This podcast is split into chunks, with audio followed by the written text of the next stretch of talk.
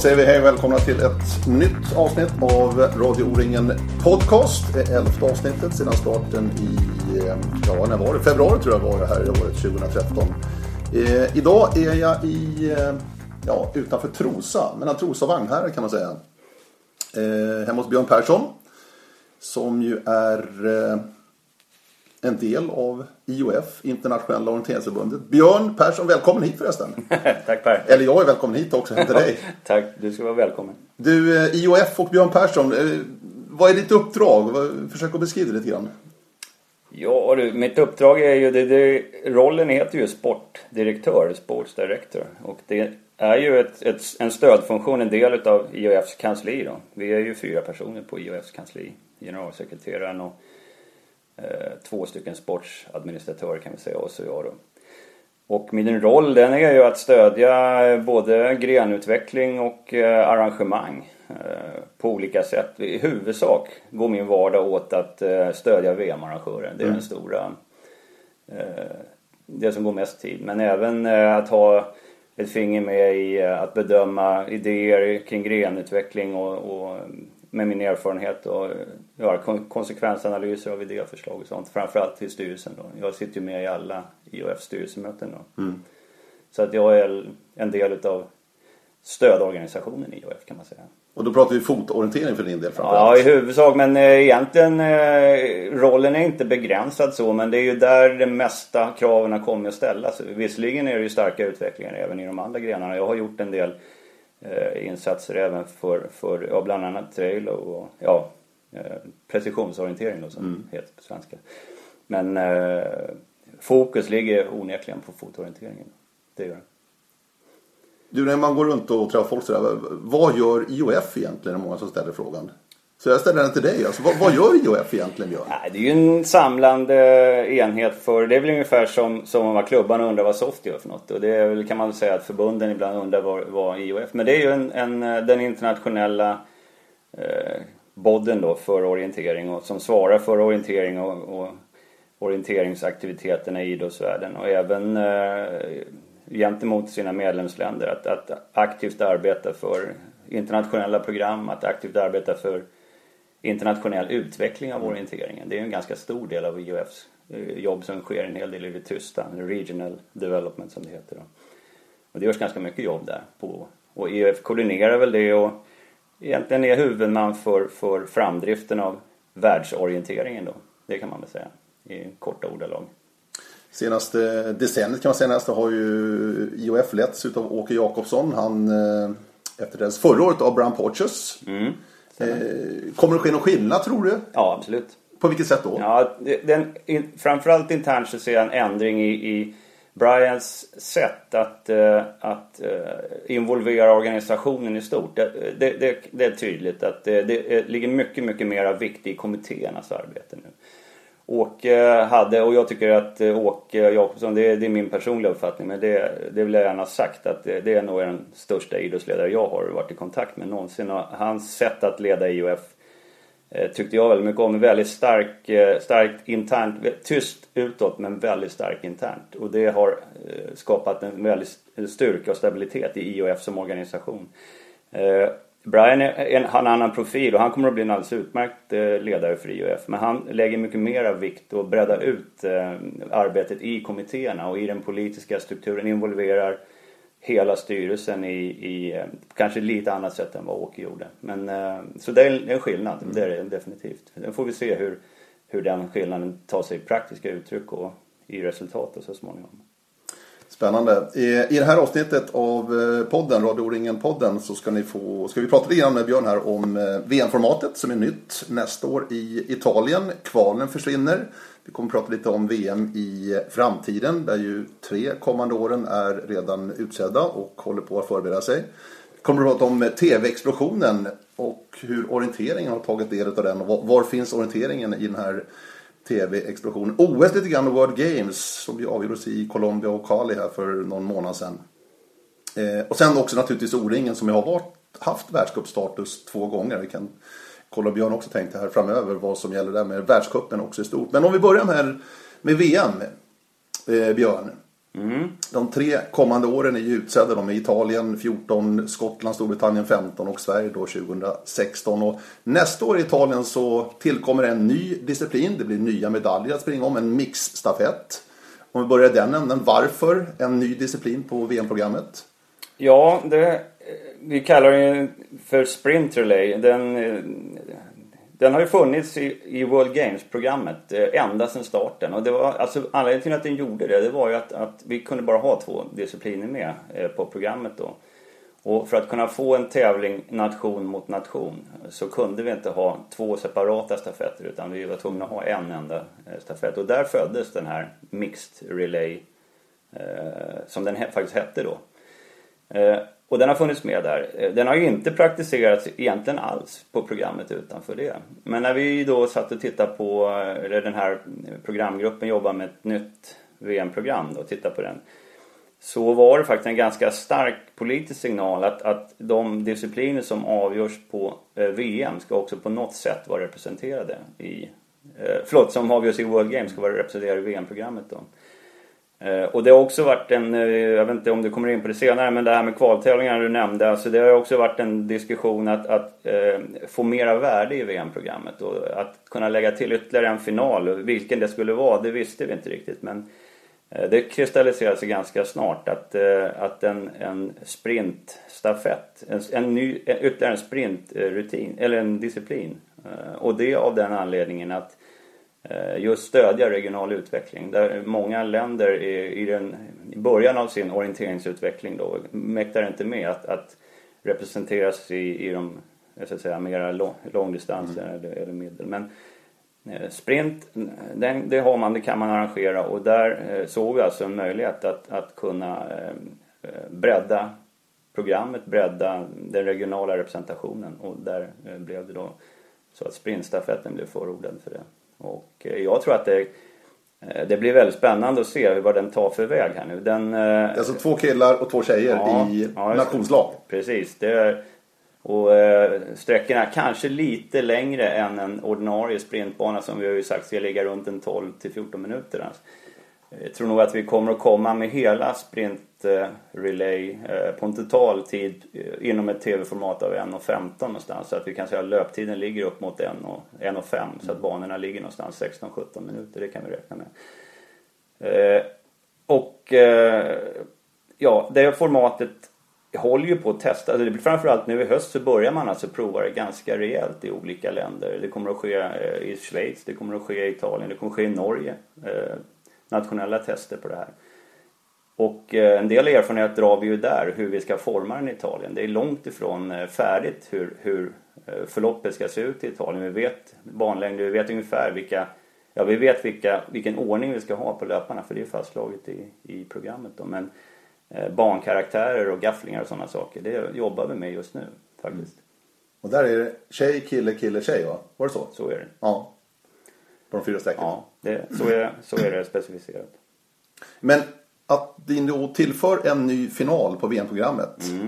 Är konsekvensen då, eller blev konsekvensen då, att ni var tvungna att ta bort kvaltävlingarna? Nej, det var, man startade i den andra änden. Eh, kvaltävlingarna, det har varit ett gissel under ganska lång tid. Eh, från flera utgångspunkter. Kvaltävlingar, för arrangörerna så är det det är två ganska, ändå, fast de är enkla så är de ändå, de är krävande. Du måste ha terräng för dem, du måste kombinera terräng för, för eh, relevant terräng för final och kval. Du måste bygga saker och ting. Eh, en del arrangörer bygger mer, andra har byggt mindre. Men det är ett arbete och eh, faktiskt inte eh, särskilt mycket värde för VM i sig. Då.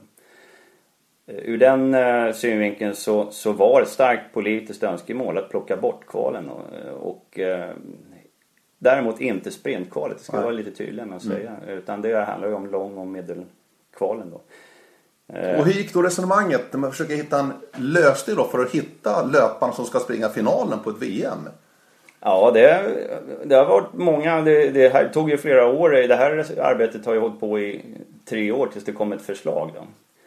Eh, och resonemangen eh, har har varit allt ifrån att använda det världsrankingsystem som finns till att titta på eh, kvalificeringar kvalificering på annat sätt. Och där framförallt då det är ett ganska gammalt beslut som kom redan 2001 att, att kval till VM ska göras på VM.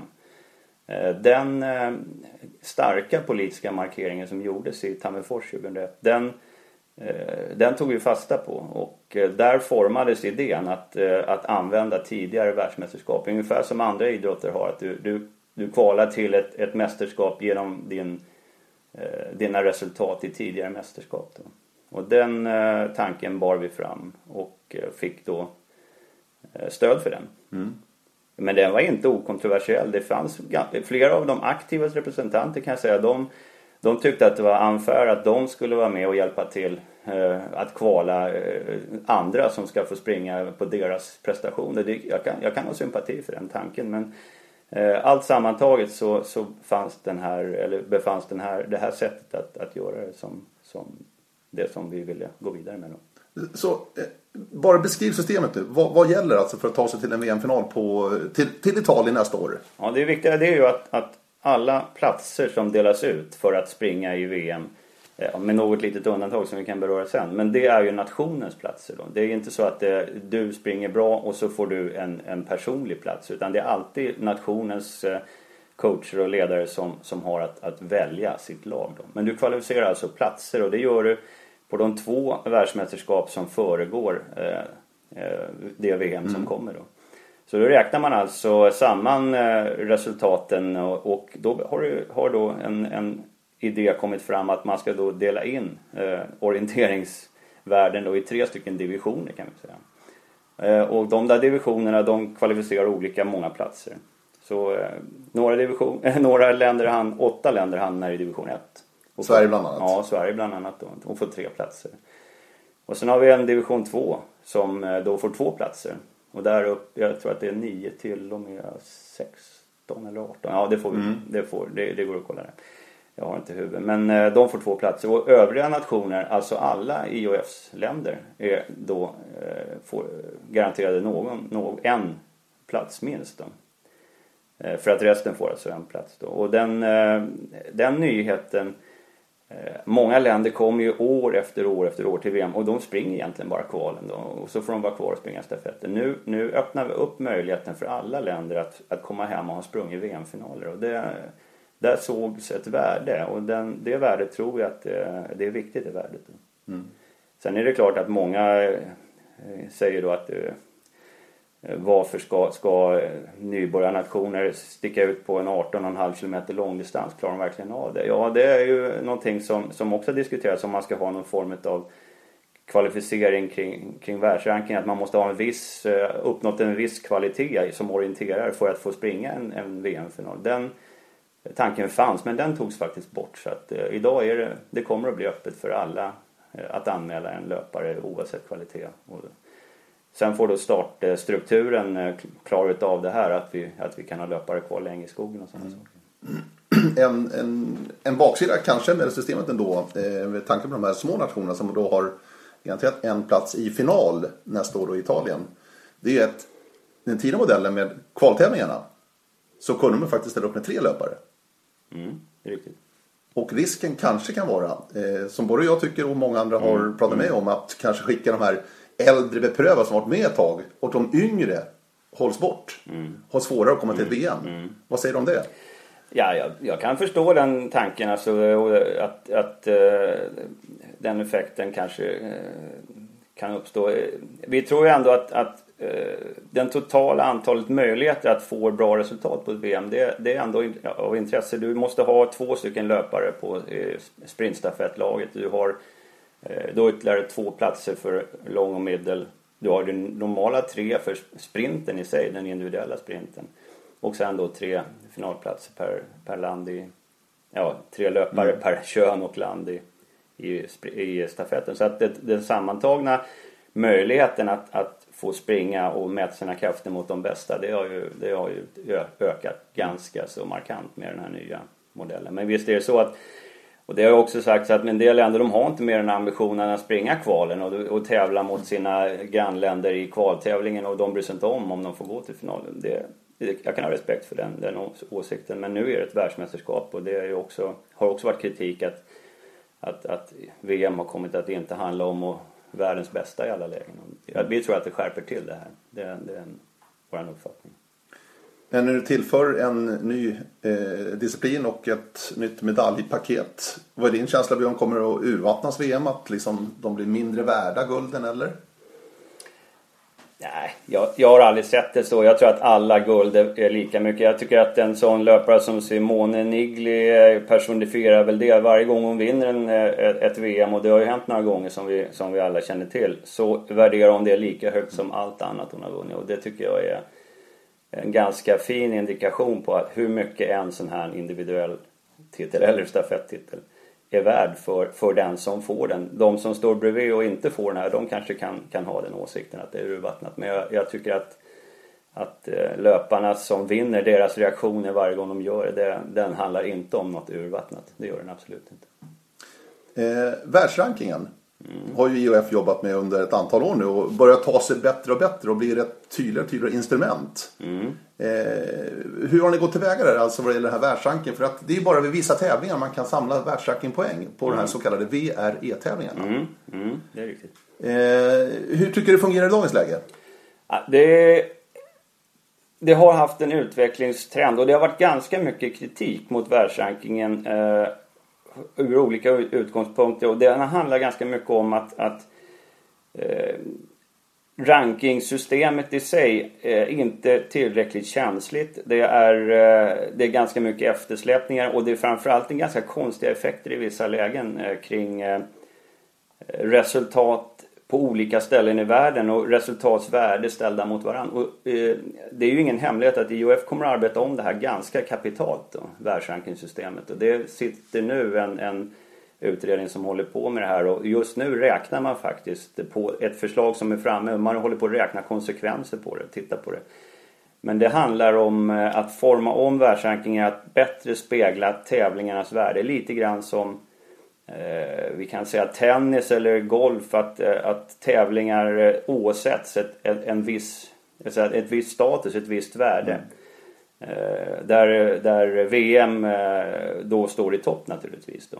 Idag, eller hittills har det varit så till och med att du kan med en, en, ett bra löp i en, en världsrankingtävling på våren i Portugal där många länder finns med. Du kan ha ett bättre poäng än i en VM-final. Och det, där prestationen är säkert värd det. det. Det handlar nog inte om det. Men däremot handlar det om hur den här världsrankingmodellen uppfattas utåt. Alltså, hur, kan du, hur kan du inte mm. vara hur kan du inte få mest poäng när du vinner VM i långdistans? Som, du var inne på tennisen där. Det är ja. ett bra exempel. Ja. För de har ju ett väldigt enkelt system mm. i långt Grand Slam-turneringarna. Där får vinnaren 2000 poäng. Mm. I Masters-turneringarna så får de 1000 poäng. Mm.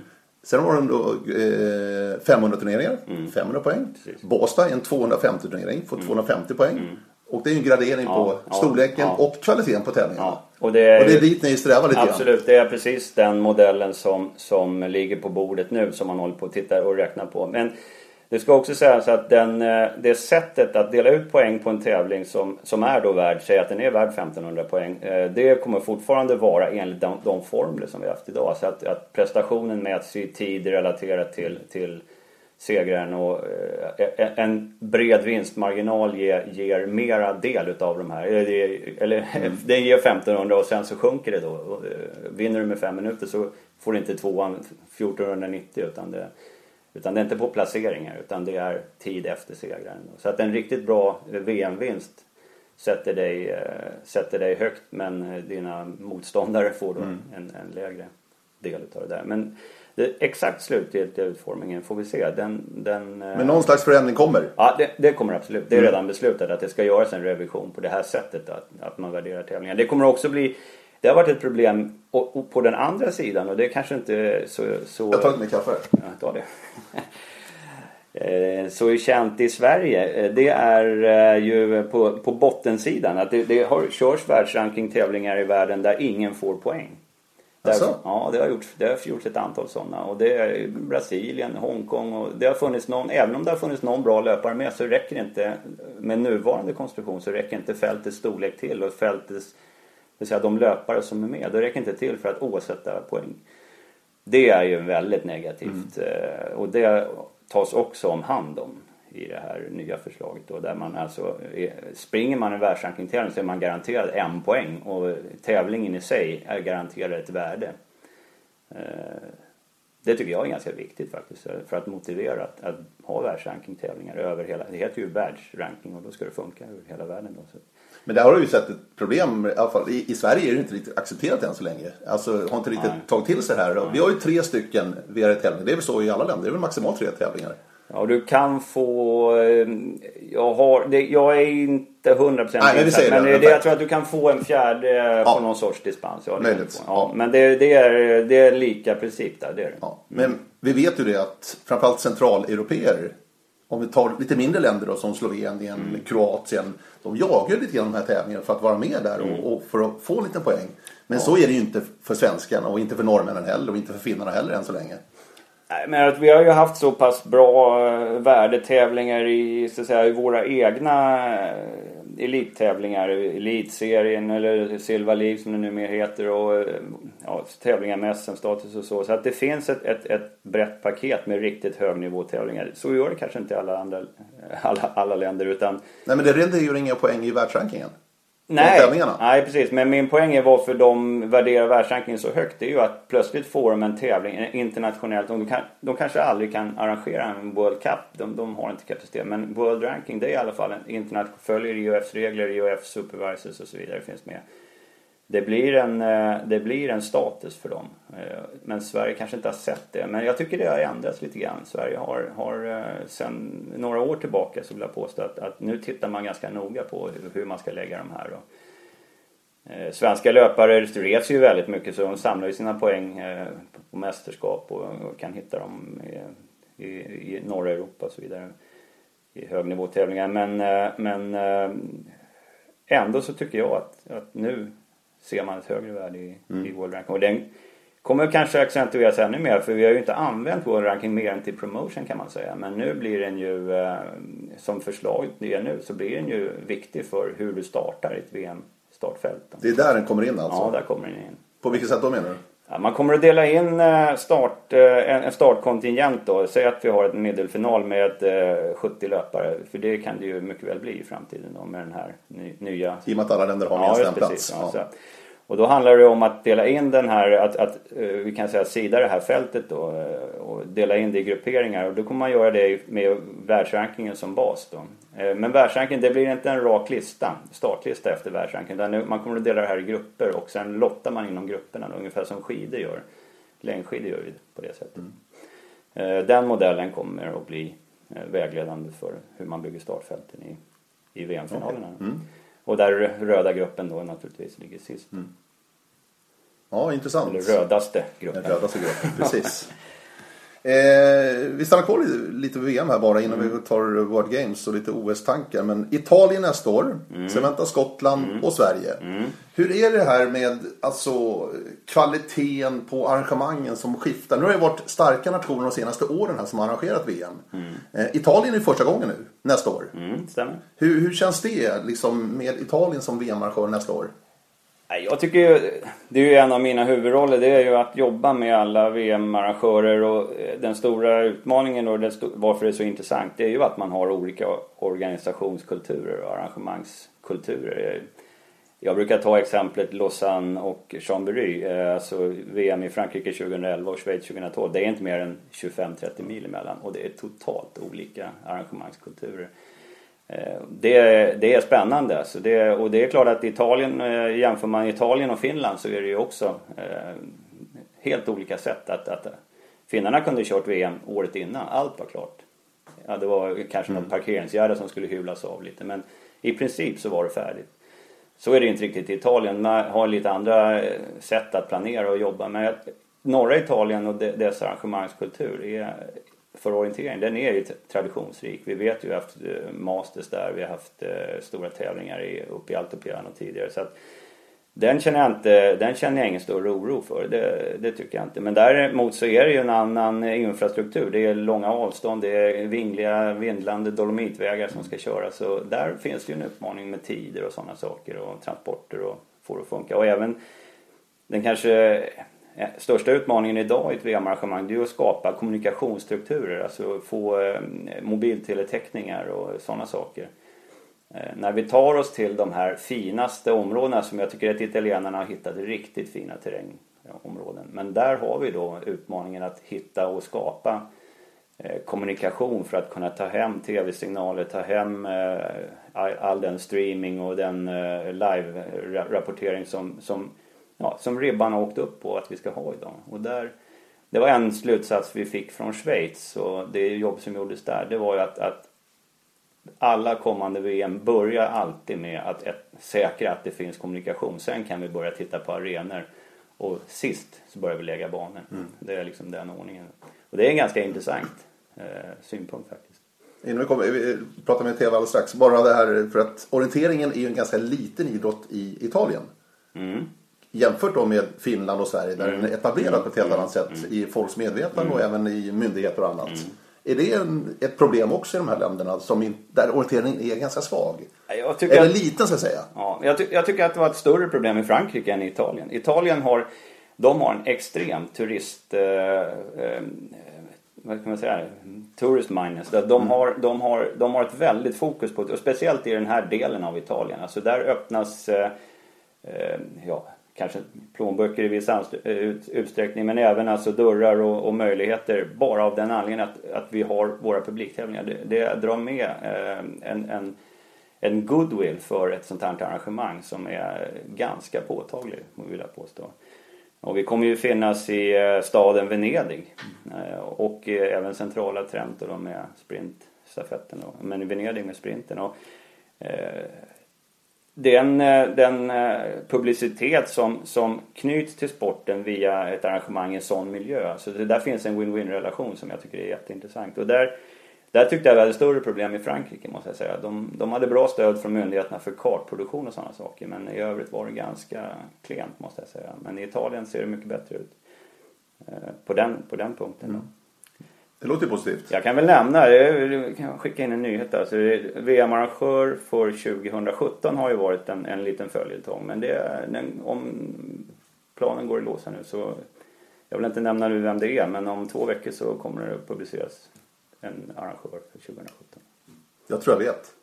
Du tror du vet? Eller jag vet. Du vet, okay. Men jag säger inte heller någonting. Okay, okay. Jag har pratat med ansvarig faktiskt för okay. ett par veckor sedan här bara. Aha. Så jag ja, hörde den, den nyheten också. Men, ja, men det är ska vi spara på den då? Ja, jag vill nog, eh, jag vill, vill väl ha eh, bläcket på pappret. Men eh, organisationen är, eh, är, beslutet är taget att man ska söka eh, VM 2017. Okay. Det är lite spännande. Mm.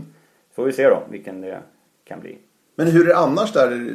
De står inte på kö just nu för att arrangera VM framöver? Eh, nej, det är korrekt. Och den, jag tror att det handlar lite grann om att man eh, avvaktar lite den här nya modellen. Jag, skulle vilja, jag, jag tror att det, i och med att vi kan sätta 2017 nu så tror jag att det finns eh, eh, det kommer att lossna lite grann. Mm. Jag tror inte det handlar så mycket om om den här, alltså det, VM är inte mycket annorlunda nu än vad det var eh, när man sökte det, om man hade sökt det för tre år sedan. Men det har funnits en viss osäkerhet. Sen har det varit, det är alltid så inför ett VM, man, man, några flaggar upp, vi kommer att söka och då är det lätt att man Okej, okay, då vet vi. Sverige söker 2016. Det var en ganska tydlig signal från Sverige och en bra signal från Sverige. Och då då, då drar man tillbaka, för man vet att utmana Sverige som just hade fått eh, pisk på, på mållinjen utav Skottland, utmana dem igen. Det, det, det är inte lönt. Så, så, tänker man faktiskt. Det, eh, så då gjorde man inte det 2017. Nej. 2016 och sen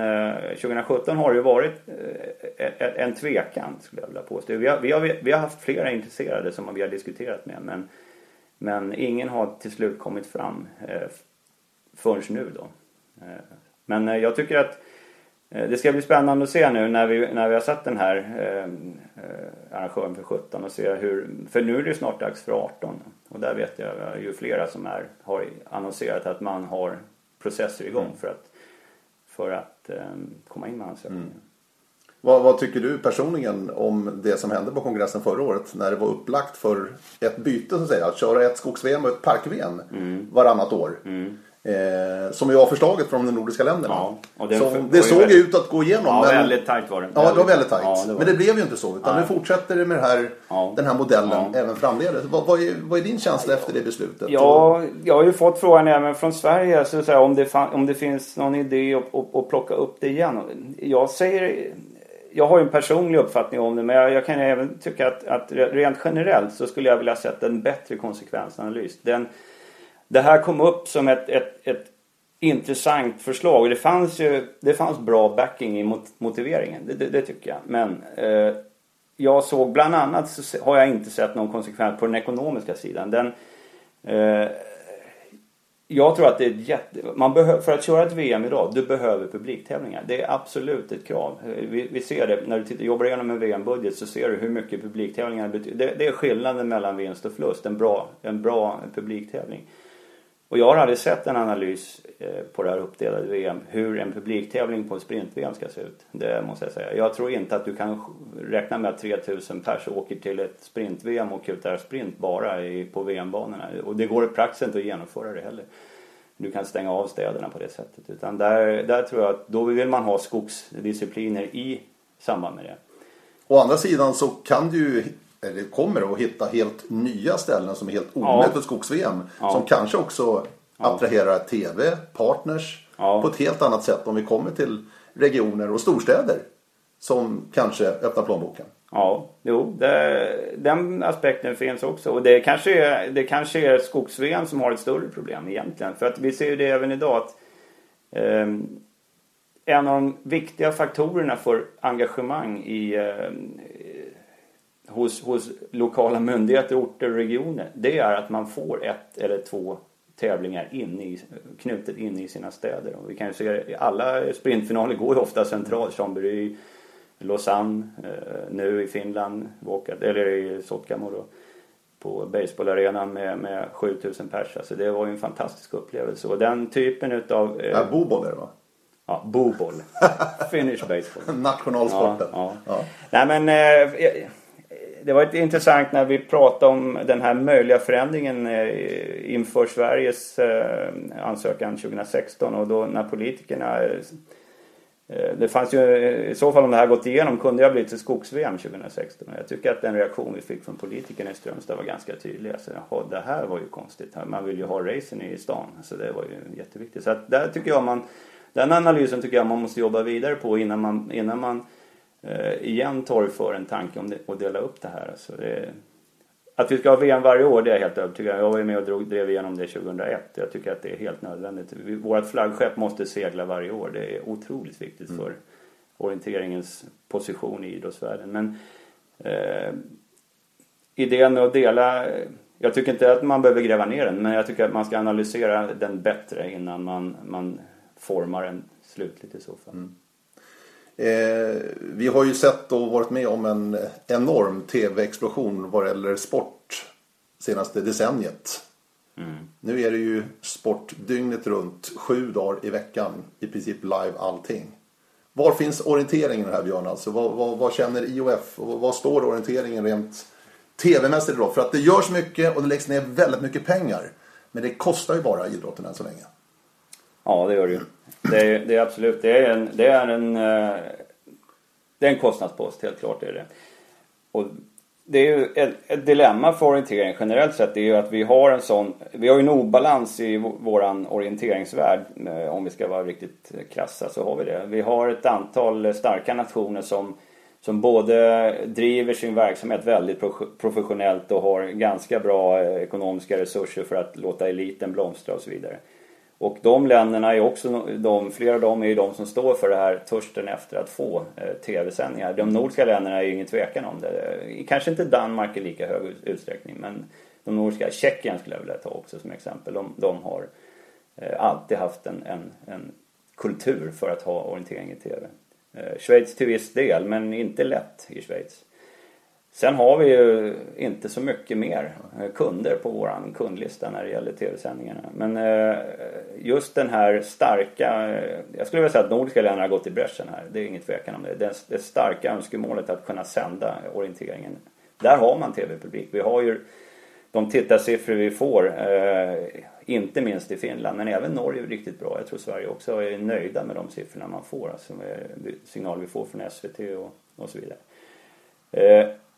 Men den här eh, investeringen den är inte värd eh, jättemycket om man inte kan komma ner i Europa bättre och det är ju jätteviktigt. Eh, sättet att komma in i, i eh, det här jobbas mycket på från centralt håll IOF och kanske inte så synligt men i, i de kanaler som finns via Sportackord och stora sådana kongresser där har man ju de kontakterna och vi vet att Öppnar vi plånboken och betalar ett, en visst antal eh, tusen euro eller hundratusen euro så, så eh, då, då kan vi sända Eurosport när vi vill. Men man köper sig alltså in i kanalerna och de här pengarna finns inte eh, i, i våran struktur ännu. Det är lite som katten på råttan och råttan. Chicken and egg säger man på engelska. Man måste alltså synas för att bli kommersiellt intressant. Och för att bli kommersiellt intressant måste man köpa in sig och, och synas. Och det, det gäller att ha en start mm. någonstans där och den, den är svår. Men vad är analysen från IOFs sida då? Har vi en bra vara att sälja? Ja, det är de signaler vi får. Eh, det, det, är att vi har det. Vi har en bra produkt. Vi har en intressant produkt. Den har, den har speciella, det man kallar för USPs Unique Selling Points. Så det bland annat är ju tracking en sån. Eh, rätt använd ska vi ju mm. naturligtvis säga. Trackingen eh, kan, ju, kan ju också förstöra vår produkt om vi, om vi använder den fel sätt. Den ska krydda våran anrättning och den ska den göra på rätt sätt. Men den det sättet. Segling jobbar ju lite med det och det finns ytterligare. Cykel har ju börjat lite grann också med den typen mm. utav, mm. utav uppföljning av, i sändning eller komplettering av sina sändningar. Och där, där har vi en. Men sen har vi också duktiga idrottsmän. Vi har ju toppidrottsmän. Vi har spännande tävlingar. Vi har format som är riktigt spännande. Kanske framförallt middel och, och Ja, middel är den, den produkt vi får mest positiva kommentarer kring. Sprinten är... För inte sprinten alltså? Nej, för den är lite för komplex att hänga med. Det, det går så fort i sprinten. Här.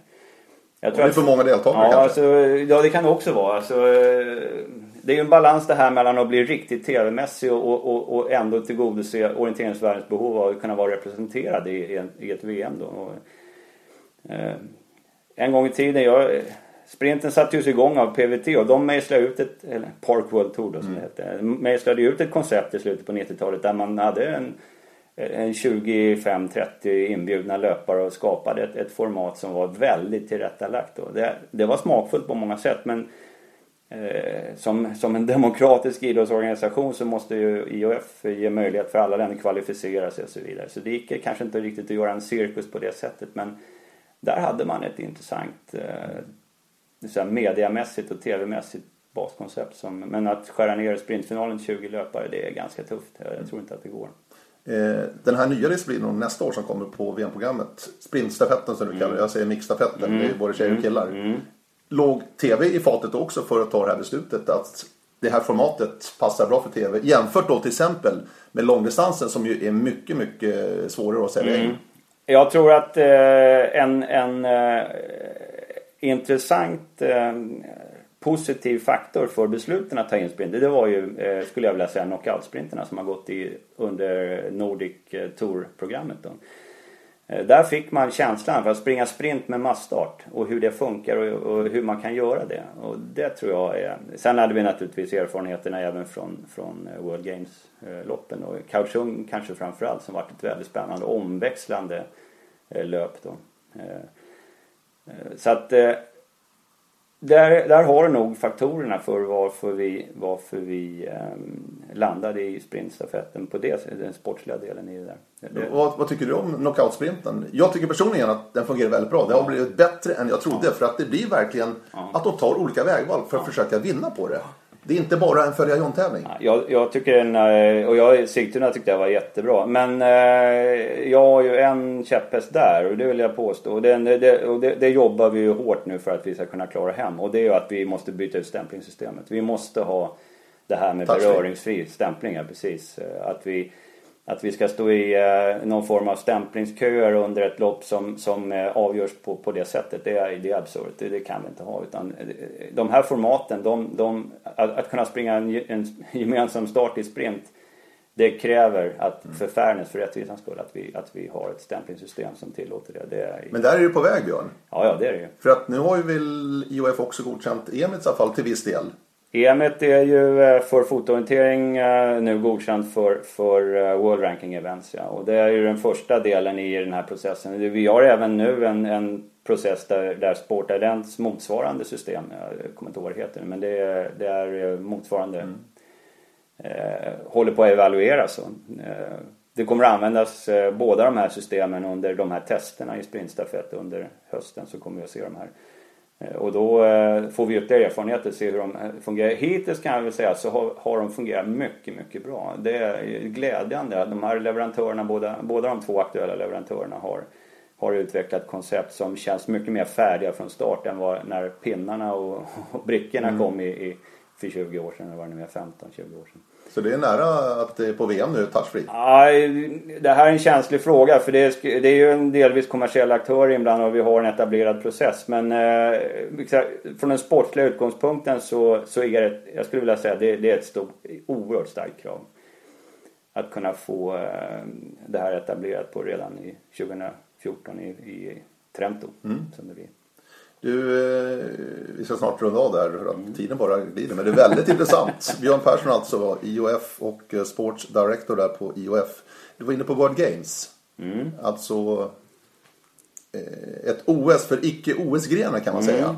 Som ju gick i Colombia, i Cali nu här i mm. augusti månad.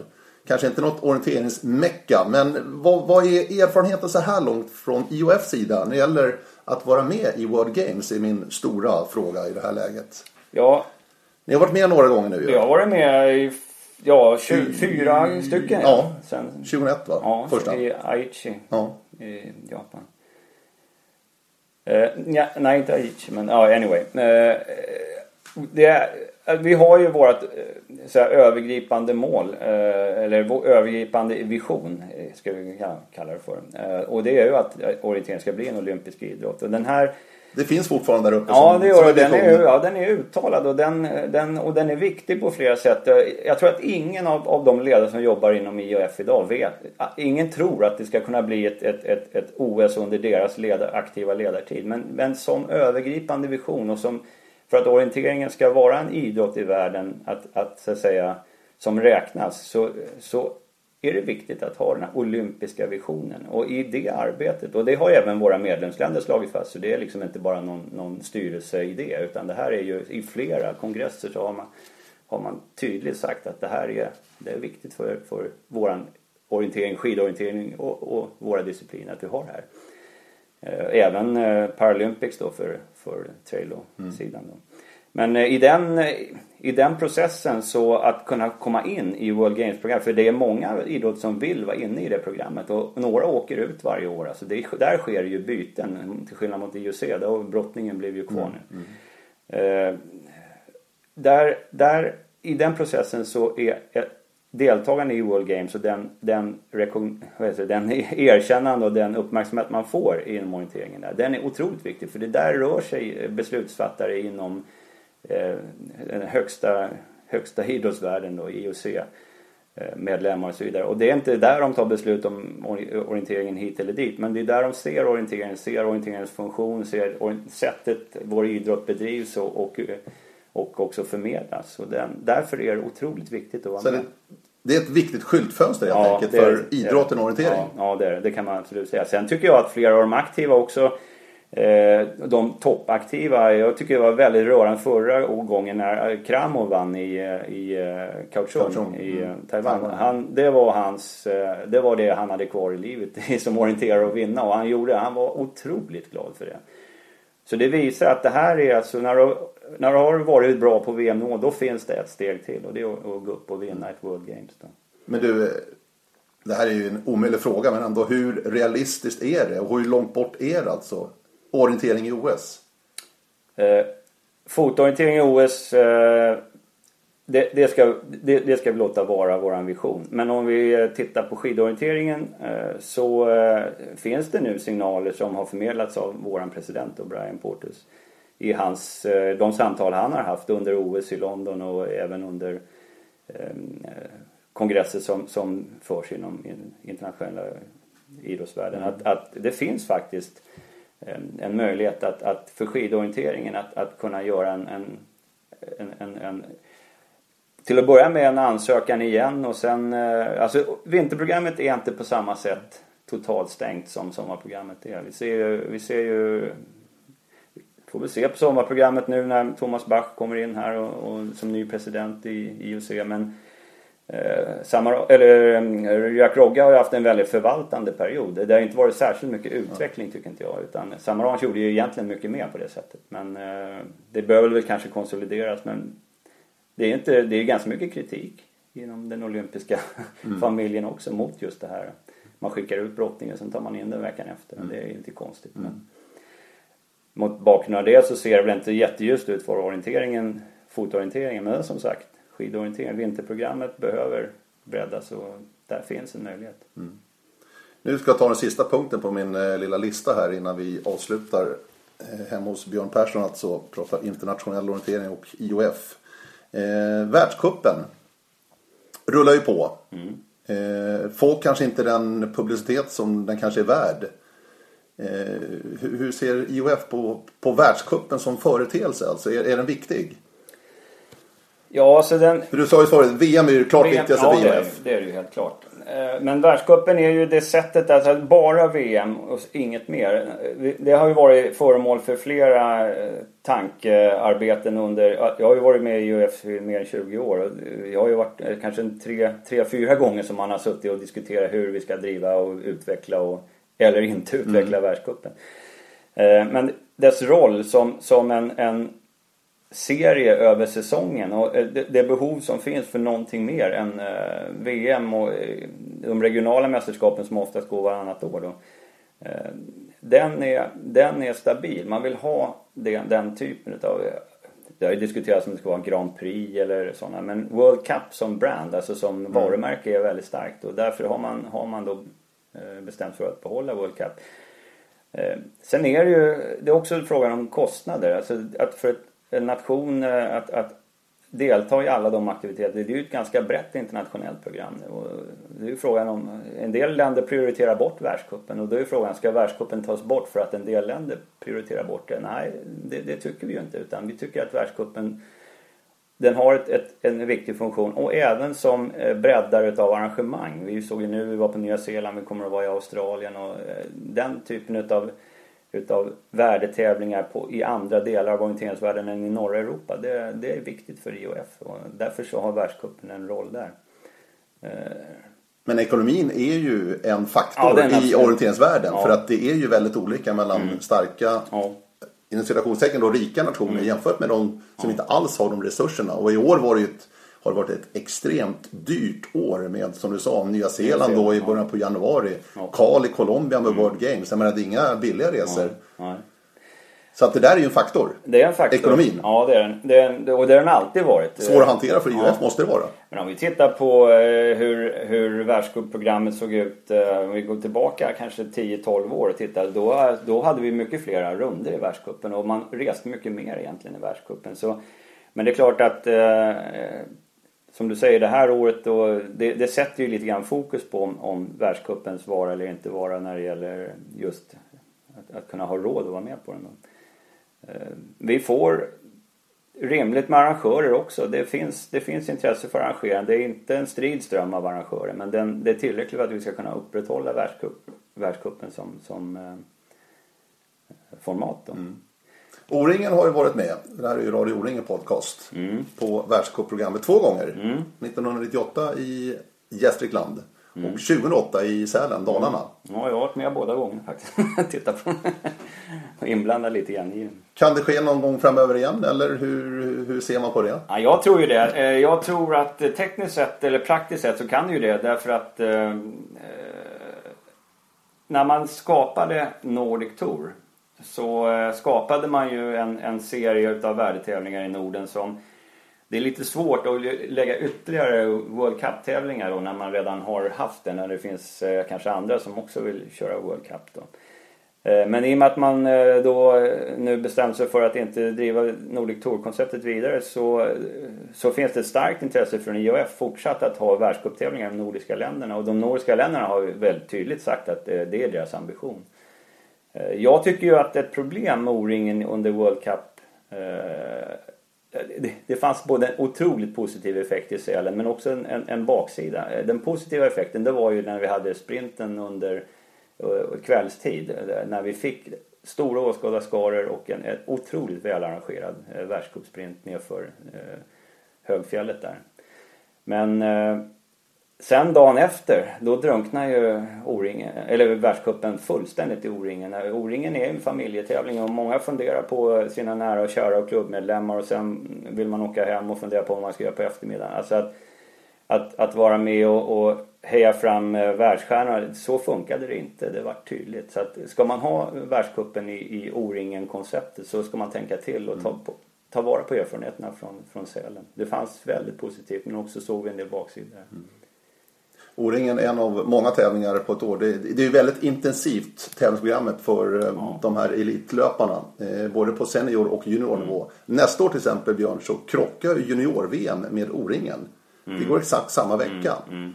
mm. Eh, inte helt lyckat. Nej, mycket dumt.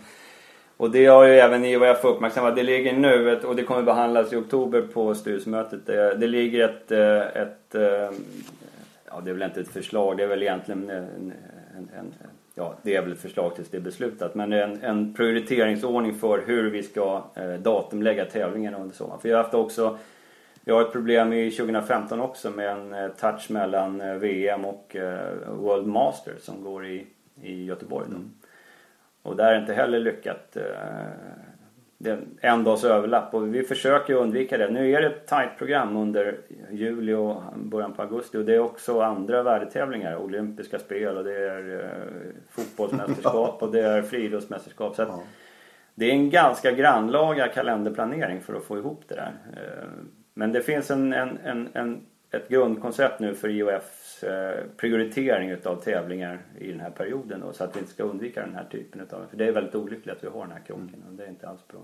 Och där finns faktiskt eh, även O-ringen eh, identifierad i den, i den strukturen då. Den, man har ju oftast nypit sig fast i vecka 30 tror jag att det är man mm. kör O-ringen. Och det känner orienteringsvärlden väl till. Då. Ja det borde de göra. Ja, det, ja.